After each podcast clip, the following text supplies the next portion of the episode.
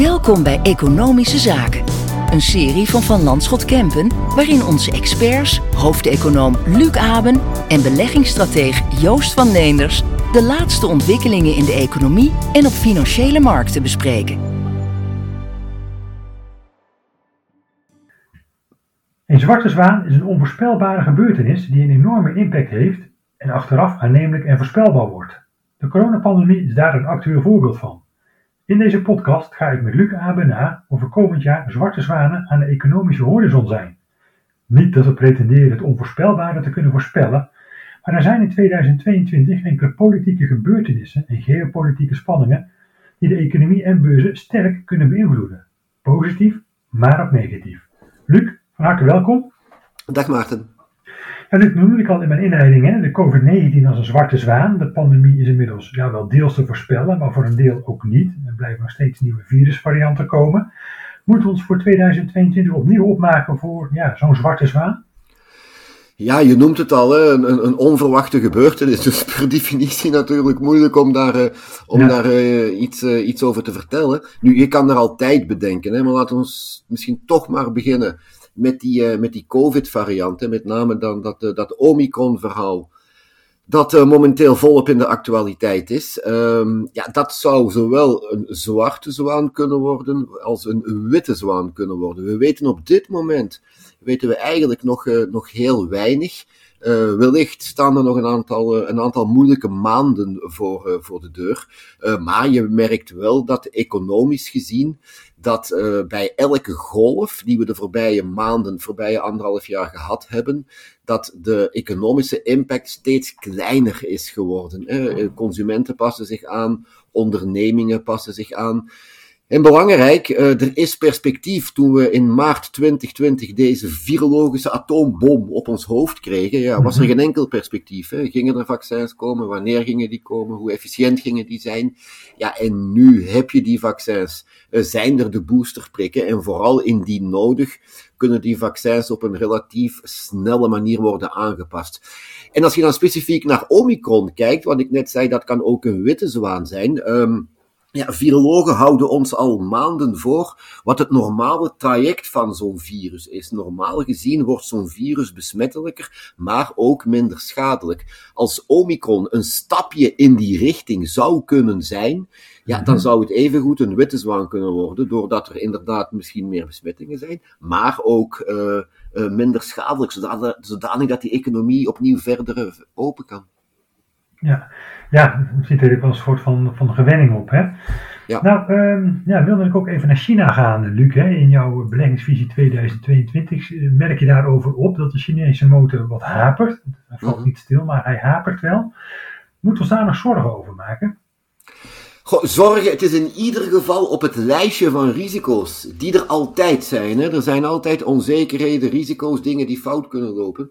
Um, maar op het lijstje risico's voor 2022 en daarna wellicht, ja, is China, of neemt China toch wel een plekje in. Hè? Je hebt die turbulenties, die uh, moeilijkheden in de vastgoedsector. Um, en een beetje afhankelijk hoe je dat definieert, de vastgoedsector, maar je komt er al gauw aan 20, 25, misschien 30 procent van het Chinese bruto binnenlands product dat die, dat die sector uitmaakt. Rechtstreeks en ook onrechtstreeks via kredietverlening van, uh, van banken. Dus dat is toch wel iets om in de gaten te houden hoe dat verder uh, gaat, uh, gaat evolueren.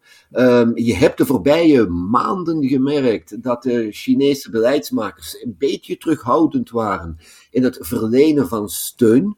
En specifiek voor die vastgoedsector, maar ook breder voor die economie, die dus te maken kreeg met een vertraging van dat groeimomentum. De laatste weken zie je toch dat er een bepaalde, een bepaalde draai is in dat beleid. Hè. Zo heeft de Chinese centrale bank de zogenaamde reserveratio verminderd voor banken. De reserveratio geeft aan hoeveel cash banken in, uh, in uh, kas moeten houden. Als je die reserves verlaagt, betekent dat dat die banken meer ruimte hebben voor kredietverlening. Um, heel recent, de voorbije dagen, kwamen er ook berichten dat de Chinese politiek de begroting volgend jaar iets groeivriendelijker wil maken, zoals ze het zelf uitdrukken. Dus ja, er is toch wel een bepaalde draai die daar bezig is. Daarnaast kan China uh, profiteren van een aanhoudend sterke internationale vraag. De voorbije maanden hebben we vooral spulletjes gekocht met z'n allen, online dan. Ja, het ziet er naar uit dat we dat de komende maanden blijven doen.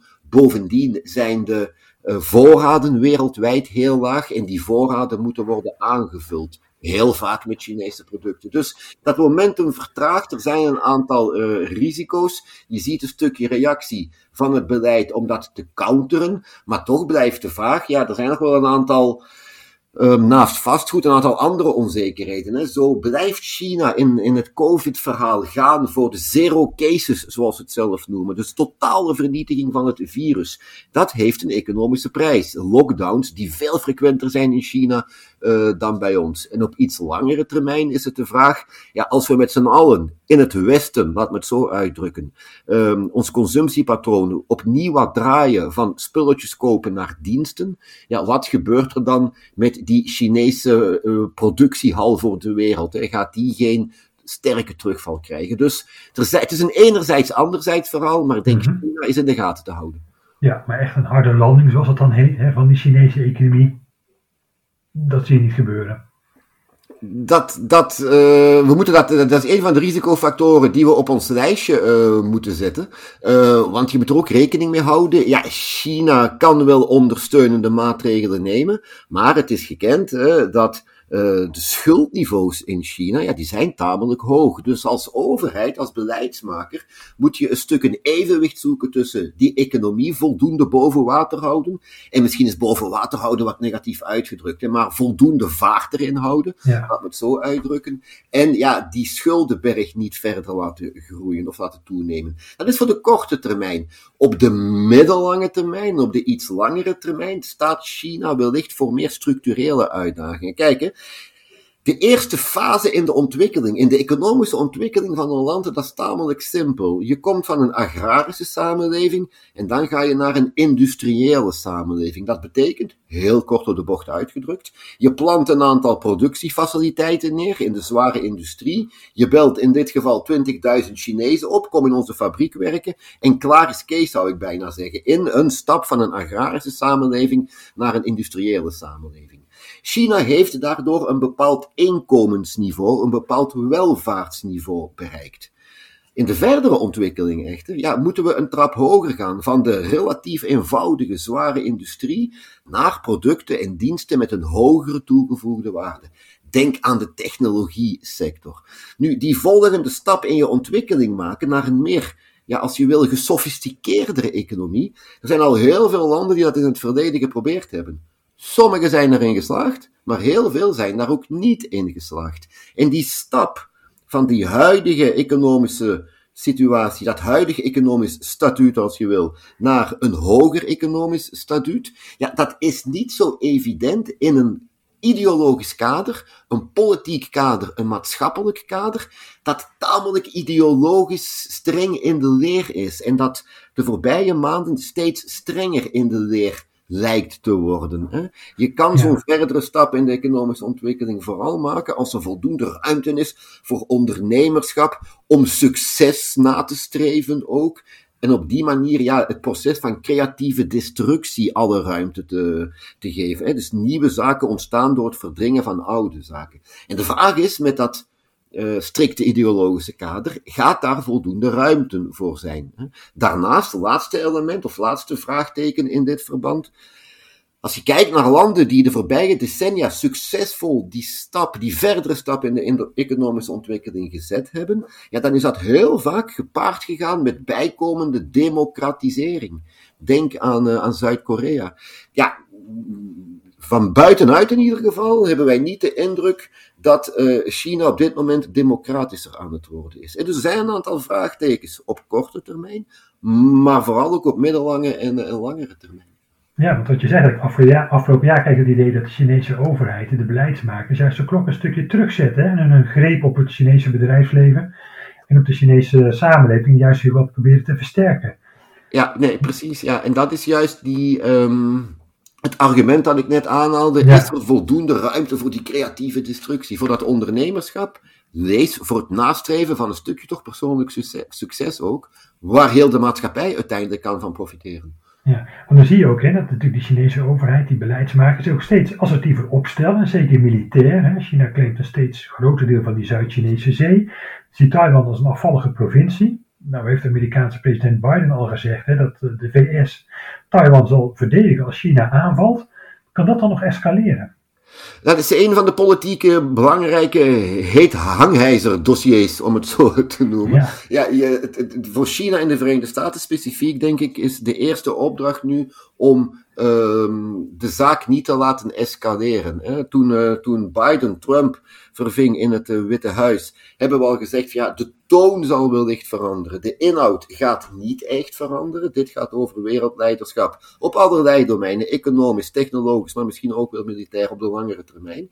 Dus ja, er zijn weinig zaken waar politiek Amerika het eens over is. Maar dit is er wel één van. Dus dat gaat niet onmiddellijk veranderen inhoudelijk. De toon kan misschien veranderen. Ja, en die toon die zal ervoor moeten zorgen dat de zaak niet, uh, niet escaleert. Natuurlijk, als je het cynisch bekijkt, uh, voor China, los van ideologische, historische redenen, ja, de uh, aantrekkelijkheid om een oogje te laten vallen op Taiwan is enkel toegenomen. we zitten met een wereldwijd chiptekort.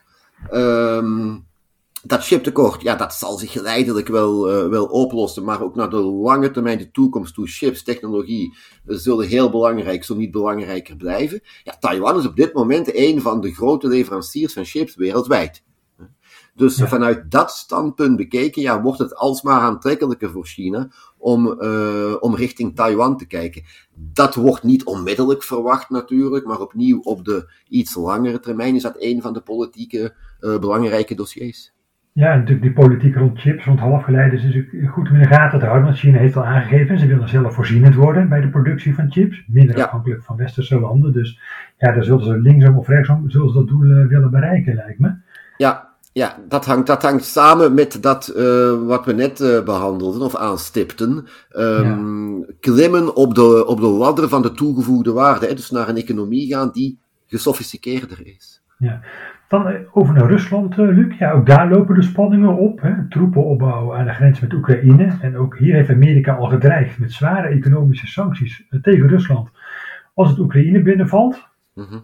ja, wat moeten we daarvan vinden? Ja, um, mocht, daar, het, mocht dat leiden, uh, dat soort spanningen, tot een verdere stijging van de gasprijzen, of in een ruimere context uh, energieprijzen, ja, dan kan dat een potentiële zwarte zwaan zijn voor de inflatie, voor, het, uh, reactie, voor de reactie van centrale banken daarop, maar ook gewoon ja, de industrie. Je hebt de voorbije weken, maanden, heb je af en toe gezien dat bepaalde industrietakken gewoon de deuren sloten. Uh, wegens die, die energieproblemen. En dit komt dan tamelijk ongelegen ook in een uh, periode waarin voorraden, gasvoorraden dan specifiek, sowieso al laag zijn. Hè. Je hebt de verminderde productie vanuit Nederland, vanuit het, uh, de, Groningse gasvelden. Ja, er is weinig wind. Hè. Er is een, uh, een, een, transformatie, een shift naar duurzame energie. Naar bijvoorbeeld een stukje windenergie, maar blijkbaar door de klimaatverandering, door een, een anders verloop van de straalstroom en dergelijke, ja, zou het best kunnen dat we met weinig wind, relatief weinig wind blijven zitten. Dus die productie daar kan niet voldoende compenseren. Azië koopt ook heel veel gas. Dus dat is een belangrijke wegkaper voor andere landen op die wereldmarkt. En als je specifiek kijkt naar, uh, naar olie, ja, daar zijn de investeringen de laatste jaren relatief laag geweest. Om allerlei redenen. Onder andere omdat energiemaatschappijen ook een shift wilden maken richting meer, uh, meer duurzaamheid. Dus mocht dat gebeuren, uh, mocht politiek iets gebeuren dat die gasprijzen, energieprijzen verder kan opdrijven, ja, dan is dat wellicht een domper voor het eh, groeimomentum in 2022 voor de komende, maanden. In een ruimere context, ja, is het misschien uh, ja, op, opnieuw een beetje cynisch uitgedrukt, niet slecht dat dit nu gebeurt, want in die energietransitie die nodig is, die nuttig is, die noodzakelijk is en die ook economische dynamiek teweeg kan brengen, ja, is er wel een angel onder het gas, van in die transitie van fossiele brandstoffen naar duurzame energie, ja, daar zit een hele overgangsperiode tussen. Dus datgene wat er nu met de energieprijzen gebeurd is, de voorbije weken en maanden, ja, is ook een stukje wake-up call van jongens, hou daar ook rekening mee. In die overgangsperiode van fossiel naar duurzaam, ja, is het toch, uh, zou het toch uh, leuk en aardig zijn mocht het licht ondertussen kunnen blijven branden. Ja, nee, dat, dat is zeker zo. Um, en laten we ook even naar de Verenigde Staten zelf kijken. Uh, in Zwarte Zwaan zouden denk ik de midterms kunnen zijn. De Amerikanen gaan in november naar de stembus voor alle zetels van het Huis van Afgevaardigden. En 34 van de 100 zetels in de Senaat. Nou, de Democraten hebben nu nog een ruime meerderheid in het, uh, meerderheid in het Huis van Afgevaardigden. In de Senaat een hele nipte meerderheid van één zetel. Mm Dat wordt ongekend spannend voor Joe Biden. Dat wordt spannend. Of het nou onmiddellijk een zwarte zwaan is voor 2022, dat denk ik niet. Maar het is vooral een interessante periode, of zal het worden in november, voor, uh, in de aanloop naar de presidentsverkiezingen van 2024. Uh, eh, Joe Bidens agenda, zijn socio-economische agenda, om het zo uit te drukken, is in ieder geval al flink afgezwakt. We hadden de indruk, we hadden de perceptie, en, en daar waren ook concrete politieke voorstellen die er op tafel lagen, dat Joe Biden een stukje richting het Europese model ging, de Europese welvaartsstaat, het Rijnland-model, met een belangrijk sociaal vangnet door, ja, vooral door uh, discussies, oneenigheid binnen zijn eigen democratische partij, zijn die plannen in ieder geval een flink stuk afgezwakt. Dat betekent, in mijn perceptie in ieder geval, dat er in de Verenigde Staten op dat domein, op dat vlak, dat sociale vlak, niet zo heel veel zal veranderen. En dan is het de vraag naar 2024 toe, ja, in welke mate gaan kiezers die voor Biden gestemd hebben op, in de hoop op verandering op dat vlak, ja, in welke mate gaan die ontgoocheld zijn. Uh, en dat, die ontgoocheling kan zich een stuk uiten in de midterms, hè, de tussentijdse verkiezingen ja. van november 2022, maar ook uh, in de presidentverkiezingen in 2024. Met dan de vraag, ja, in welke mate kan en zal het populisme daarvan uh, van profiteren om opnieuw richting, ja, noem het maar even, een Trumpiaanse, een Trumpiaanse beleid te gaan. Of misschien wel Trump himself. Ja, die weer terugkomt. Ja, het is wel duidelijk. Hè. Die midterms die kunnen een schaduw wel vooruit gaan werpen op die presidentsverkiezingen in 2024. Dan wilde ik nu even van de Verenigde Staten naar Europa gaan. Even een rondje door de eurozone. Nou, Frankrijk die heeft ook verkiezingen. In april kiest het een nieuwe president. Die kiezen in april uh, een nieuwe president. Um, als je kijkt naar de peilingen op dit moment uh, ja, dan heeft Macron de grootste kans om zichzelf op te volgen. Hij zal wellicht met een heel pro-Europese agenda die verkiezingen intrekken. Heel recent heeft hij nog een tamelijk ambitieuze, uh, sommigen zeggen visionaire speech gegeven over die toekomst van Europa. Tegenkandidaten, ja, aan, aan de rechterzijde dan vooral, heb je Marine Le Pen. Um, haar uh, Europees discours is wat gematigder geworden. Zij is kritisch voor Europa, maar niet meer zo anti-Europees dan het uh, vier jaar terug was. Maar dat anti-Europees plekje is uh, ingenomen door Zemmour. ja, die heeft geen partij, dat is een one-man show. maar die best, een one-man show die best wel wat lawaai maakt en best wel wat aandacht krijgt. Mocht hij het halen of mocht zijn ideologie, zijn sfeertje te diep doordringen in de Franse, in de Franse maatschappij. Ja, dat zou op zijn minst zeer vervelend zijn voor, uh, voor Europa. Dan heb je opnieuw dat populisme en die anti-Europese retoriek die, uh, die opvlakt. Terwijl Europa de komende maanden net keuzes zal gaan moeten maken, die op zich al witte of zwarte zwanen kunnen zijn, wellicht. Oh ja, kun je dat eens toelichten dan? Welke keuzes zijn dat? Ja, dat, dat heeft dan te maken met, met um, vooral financiële keuzes en in een ruimere context met het Stabiliteits- en Groeipact. Um, het, het herstelfonds, die 750 miljard die de voorbije maanden is goedgekeurd, heeft duidelijk het belang van Europa aangetoond. En politiek en economisch en qua bieden van perspectief. Ook voor financiële markten. Financiële markten hebben zeer positief gereageerd op die verdere stappen in de financiële integratie van de eurozone. En de komende maanden staan soortgelijke discussies op de agenda rond dat de Stabiliteits- en Groeipact, vooral gekend voor zijn begrotingsnormen, hè, de befaamde 3%-norm of de 60%-norm qua maximaal toegelaten, maximaal toegelaten schuld. Um, als je nu gaat kijken, dan is de gemiddelde schuld van het gemiddelde euroland is iets van 100% van het bruto binnenlands product. Een andere interpretatie, een soepelere interpretatie van die normen lijkt toch aangewezen. Stel, dat je al te snel van die 100% schuld gaat opnieuw naar 60 wil gaan, ja, dan betekent dat, of is de kans reëel, dat je dat economisch herstel, dat zich nog volop aan het ontwikkelen is in die eurozone, dat je dat gaat uh, verstikken. Hè? Um, en de uitslag van de Franse presidentverkiezingen, die zullen heel belangrijk zijn voor het verloop van dat debat. Net zoals de houding die de nieuwe Duitse regering zal, uh, zal aannemen. Um, het regeerprogramma in Duitsland is in ieder geval heel pro-Europees. Maar om het op zijn niet-Duits niet -Duits te zeggen, the proof of the pudding is in the eating. Hè? Uh, dus we zullen zien wat daar concreet uitkomt. Ja, en dat is best wel belangrijk. Hè? Die nieuwe Duitse regering, wat je zegt, die behoorlijk pro-Europees. Ja, als Macron dan de Franse presidentsverkiezingen wint, dan heb je toch een hele pro-Europese Frans-Duitse as. Ja. ja, gaat inderdaad Erik Zemmour uh, het politieke podium beklimmen? Ja, dan krijg je net een heel ander verhaal. Hè? Wat je zegt, dan krijg je zo'n populistische, anti-Europese houding. Uh, maar toch wel even, hè, dat, ja, die begrotingsnormen, Luc, hè, mm -hmm. natuurlijk, ja, die schulden in Europa, je schetst dat al, zijn natuurlijk enorm opgelopen. Overheden hebben enorm veel geld uh, in de economie gepompt om niet door die coronacrisis heen te helpen.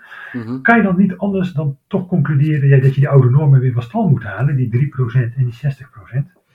Ja, je, kan, je moet wel een bepaald disciplinerend kader, ik ga het zo uitdrukken. Je moet, je moet zo'n kader wel hebben. Je kan dat niet volledig overboord gooien, natuurlijk. Nu, um, die vraag komt met de regelmaat van de klok. En het is heel belangrijk als je kijkt naar die overheidsfinanciën, die begroting, die plannen die er zijn. Waar dienen die plannen toe? Is dat voor de overheidsconsumptie? Dagelijkse uitgaven, zeg maar? Of is dat om overheidsinvesteringen te realiseren? Investeringen in infrastructuur, verduurzaming, digitalisering enzovoort. Vanaf het moment dat je investeringen doet die je groeicapaciteit, je economische weerbaarheid op de iets langere termijn ondersteunen, ja, is die schuldgraad is niet zo belangrijk. In ieder geval is niet mijn eerste zorg. Mijn eerste zorg is waar wordt dat geld voor gebruikt. Dus dat is wat mij betreft veel belangrijker dan 3% of 60%. Bovendien mag je niet vergeten dat die financiële normen, die dateren van de jaren 90. Jaren 90 toen ja, renteniveaus veel hoger lagen. En dat betekent dat je nu gaat kijken, ondanks die opgelopen absolute schulden, dat dat deel dat overheden moeten betalen aan uh, rente, ja, dat is, dat, is, dat is een fractie van wat ze eind jaren 90 betaalden, ondanks het feit dat de schulden fors zijn opgelopen. Dus, en ik zeg niet dat die rente kan natuurlijk ooit terug gaan oplopen. Hè? Dat kan perfect, dus je moet daar een bepaalde marge, een bepaalde voorzichtigheid in bouwen. Maar de kans lijkt me toch niet zo heel groot dat we heel snel naar renteniveaus gaan, die vaak double digit waren, zoals we dat enkele decennia geleden hebben, hebben meegemaakt. Dus, ja, het, het, nogmaals, je moet, je moet een bepaald kader hebben. Uh, maar er zijn toch wel een aantal zaken om te kaderen en te nuanceren. Um, om niet te snel in ieder geval terug naar die oude normen te gaan. Dat wil niet zeggen dat centrale banken niet zullen willen blijven steunen. Voor een belangrijk stuk zullen we de komende jaren wellicht blijven afhangen van centrale banken die de rente laag houden. En daar, ja, dat is een witte zwaan, zou je kunnen kunnen zeggen. Uh, dat kan ook een zwarte zwaan worden, dat moeten we in de gaten houden. Als op een bepaald moment die centrale banken hun geloofwaardigheid dreigen te verliezen. Hè. De, de kernopdracht van een centrale bank is die inflatie laag houden, of rond een bepaald niveau proberen te houden, met een nadruk op proberen. Hè. Mm -hmm. Hun eerste taak is niet overheden financieren. Hè. Dus dat helpt, dat is goed, dat houdt de rente laag, is een witte zwaan, maar zou ook een zwarte zwaan kunnen worden. Dus dat moeten we ook sterk in de gaten houden. Ja, want die zwarte zwaan waar je dan over spreekt, is dat natuurlijk dat aanhoudend ruime begrotingsbeleid van, van de centrale banken misschien tot hyperinflatie leidt. Ja, inderdaad. Hè. Uh, die inflatie is al wat, uh, wat opgelopen. Ja, ook hier, dat kan tegelijkertijd een witte of een zwarte zwaan worden. Als het uh, echt een, totaal uit de hand loopt. Uh, als er echt een kettingreactie ontstaat, is het een, uh, een zwarte zwaan. Het kan ook een witte zwaan zijn, want iets hogere inflatie. Als we kijken naar die schuldposities die er zijn uh, opgebouwd, niet enkel tijdens corona, maar ook daarvoor al. Een iets hogere inflatie helpt natuurlijk om die schuldgraad naar beneden te halen. Hè. Als hoe hoger je nominaal econo economisch, je bruto binnenlands product, zo moet ik het uitdrukken, hoe hoger je nominaal economisch volume, hoe kleiner die schulden daar in verhouding tot worden, schulden die je in het verleden bent aangegaan. Hè. Dus tegelijkertijd zwart of, uh, of witte zwaan. Ja, de kernvraag is, is dit een tijdelijk fenomeen of niet, die inflatie, die hogere inflatie? Voor beide argumenten valt iets uh, te zeggen. Per saldo blijft het ons centraal scenario, ja, die inflatie kan misschien wat hoger blijven, wat nogmaals goed is gegeven onder andere die schuldpositie. Hè. Uh, die inflatie kan tijdelijk wat hoger blijven, maar zal per saldo toch naar lagere niveaus terugvallen. Hè. We hebben dat straks al even aangestipt. De vraag in de economie die terug wat evenwichtiger kan worden. Niet enkel meer spulletjes kopen, maar ook diensten consumeren een, een meer gespreide vraag vermindert de inflatiedruk, de prijsdruk op bepaalde segmenten van die, uh, van die economie. Qua lonen, je ziet op dit moment, met name in de Verenigde Staten, dat lonen toenemen. In Europa is dat veel minder het geval. En zelfs in de Verenigde Staten, op het moment dat de situatie zich verder kan normaliseren, zowel in de economie als op de arbeidsmarkt, verwachten we ook daar dat die loondruk en dus de inflatiedruk wat zou kunnen afnemen. Dan een andere factor die de voorbije decennia die inflatie laag gehouden heeft, de deglobalisering. Of de globalisering. Er wordt op dit moment gepraat over deglobalisering. Ja. Ehm, het zou kunnen, het zou kunnen, maar die internationale productie- en aanvoerketens zijn zodanig met elkaar verweven, die haal je niet zomaar uit elkaar van een maandagavond op een dinsdagochtend. Die internationale productie- en aanvoerketens is een omelet met heel veel eieren erin. En je kan die individuele eieren er niet zomaar uithalen en terug naar je eigen contraien brengen. Dus die deglobalisering, of die spoedig een Ehm, een, een, een, blijvend opwaartse impact gaat hebben uh, op, uh, op de inflatie. Ik betwijfel het. Hè. Ik verwacht dat die globalisering nog wel een tijd die inflatie kan, uh, kan drukken. Dus in de gaten houden, wellicht gaan we naar iets hogere inflatie die een stukje persistent is, maar per saldo denk ik wel dat we zeker de tweede helft van 2022 daar een terugval gaan zien. Ja, ik hoorde wel duidelijk eigenlijk even een geruststelling van beleggers. Ja, geen, geen zorgen voor om hyperinflatie. Nee, um, precies, ja. ja. Nog even terug naar Europa, Luc. Hè. Noem toch nog even de brexit. Daar hoor je natuurlijk helemaal niemand meer over. Althans, ik niet. En terwijl ik me eigenlijk nog wel herinner dat juist hè, in, in dat scheidingsakkoord tussen de Europese Unie en Verenigd Koninkrijk er nogal genoeg open eindjes waren, die er moesten worden uitonderhandeld. Is dat nog een potentiële zwarte zwaan komend jaar?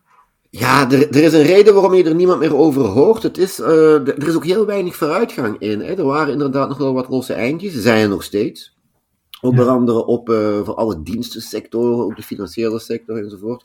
Daar is weinig vooruitgang in, er is wel beweging in, maar die beweging gaat eerder slechter dan de goede kant uit. Uh, de Britten die bepaalde delen van dat scheidingsakkoord dat werd gesloten, die dat willen heronderhandelen, met name de grens tussen het Verenigd Koninkrijk uh, Noord-Ierland, um, ja, hoe dat precies moet geregeld worden. Ja, zit daar nog het potentieel, een potentiële kiem in van alsnog een harde brexit, met alsnog meer verstoorde handelsrelaties, ja, die kiem is er nog altijd. Of die kiem inderdaad gaat kiemen. Uh, het politieke gezond verstand zegt van niet, wegens de onderlinge afhankelijkheid. En met name afhankelijkheid die UK heeft, UK dat toch qua bevolkingsaantal nu relatief kleiner is dan, uh, dan de rest van, uh, van die Europese Unie. Um, maar weinig vooruitgang daar, als of als er beweging is, eerder de slechte kant uit. Dus die potentiële, echt negatieve uh, uitkomst, ja, die, die mogelijkheid is er nog altijd. Dus ja, afwachten wat het politieke proces daar gaat geven. Ja, kijken wat daar nog iets verder gebeurt in dat dossier. Maar dan hebben we het nu hè, vooral over politieke gebeurtenissen, Luc. Maar is dat uiteindelijk niet uh, de zwarte zwaan uh, komend jaar de klimaatverandering? Hè? Dat we weer met een jaar met, met zware overstromingen, orkanen, droogte en, en, bosbranden krijgen. Met alle economische gevolgen van die. Uh, als je kijkt naar die, naar die klimaatverandering en je kijkt vanuit een economische bril, er zijn er eigenlijk twee effecten die spelen in grote lijnen. Je hebt enerzijds de fysieke effecten. En dat zijn dan de zaken waar jij net, uh, die jij net aanhaalt. Natuurrampen, overstromingen, droog enzovoort. Die een economisch disruptieve impact zouden kunnen hebben. Naast die fysieke effecten heb je daarnaast de transitie-effecten. Je hebt een situatie nu en je wil naar een verduurzaming. Daar zit een hele overgangsperiode in. Dat zijn dan de zogenaamde transitie-effecten. Dat, die eerste categorie, die fysieke effecten, ja, die, zo, die zijn belangrijk. Ja, die kunnen even disruptief werken. Maar opnieuw een beetje cynisch uitgedrukt, vanuit een economische bril bekeken voor de kortere termijn, zullen die niet overheersend zijn. Wij houden maar rekening, als er niks verandert, met echt serieuze disruptieve fysieke effecten over een periode van 10, 15, 20 jaar. Wat niet wil zeggen dat er lokaal dramatische zaken kunnen gebeuren, maar globaal macro-economisch even, even bekeken. Als we dan kijken naar onze economische verwachtingen, dan wegen de transitie-effecten, die wegen daar zwaarder door. Die transitie-effecten, dan praten we vooral over investeringen in verduurzaming, investeringen die net een positief effect zouden kunnen hebben op die uh, economische groei, die structurele economische groei voor de komende jaren. Dus in onze centrale scenario's zijn met name die transitie-effecten die op dit moment zwaarder doorwegen. Nogmaals vanuit een globaal, ja, noem het wereldwijd, macro-economische bril bekeken. Ja, ja, het is een interessant onderscheid tussen die fysieke effecten en die transitie-effecten, zoals je die noemt. Um, ja, tot slot nog even, Luc, zijn er nou nog van die factoren die of heel negatief of heel positief kunnen uitpakken? Uh, ja, het meest positieve is datgene waar we mee begonnen zijn, denk ik. Dat is die, die Omicron, die um, um, een, een verloop kent, zoals virologen ons uh, voorspeld hebben dat de virussen doen. En dan echte virologen, mensen die er jaren voor gestudeerd hebben. En niet de tientallen miljoenen virologen die er ondertussen in Europa rondlopen. Ja, we zijn allemaal ondertussen. Ja, precies. Ja. Eh, dus uh, na bondscoach hebben we allemaal een tweede ja, ja. carrière gevonden. Ja, dus ja, dat zou de belangrijkste echt positieve witte zwaan zijn. Daarnaast, ja, die productiviteit. Wat bedoel ik daarmee? Ja, economische groei, hè, we hebben een aantal keer al aangehaald in het verleden ook. Economische groei wordt bepaald door twee factoren. Het verloop van de beroepsbevolking, hoeveel handjes heb ik om te produceren. En twee, het verloop van de productiviteit. Hoeveel meer kan ik die handjes elk jaar laten produceren? Die productiviteit, ja, dat is al jaren een probleem. Zeker in een omgeving, eigenlijk wereldwijd, waar die beroepsbevolking eerder krimpt dan stijgt. Hè. Denk aan de vergrijzing. Dus die productiviteit, dat is al, ook al jarenlang een probleem, dat die is te laag. We worden niet voldoende steeds efficiënter.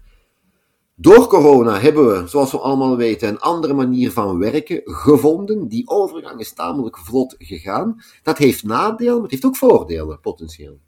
Ehm, met name die, eh, die, die productiviteit, het meer omarmen, incorporeren van de digitale tools die we met z'n allen ter beschikking uh, hebben. Als dat zich blijft uh, verder zetten, als we die omarming nog meer integreren in onze dagelijkse werking, op microniveau persoonlijk, maar ook macroniveau globaal gezien, ja, dan zou dat probleem van de afgelopen jaren hogere economische groei, net door een toename van de productiviteit, ja, daar zou een forse verbetering in kunnen, in kunnen zitten. Wat goed is voor de macro-economische cijfers, en dus ook voor de bedrijfscijfers, en dus ook voor financiële markten. Ja, nou, wellicht weet dat dan, dat dan nog een mooie verrassing die komend jaar te wachten staat.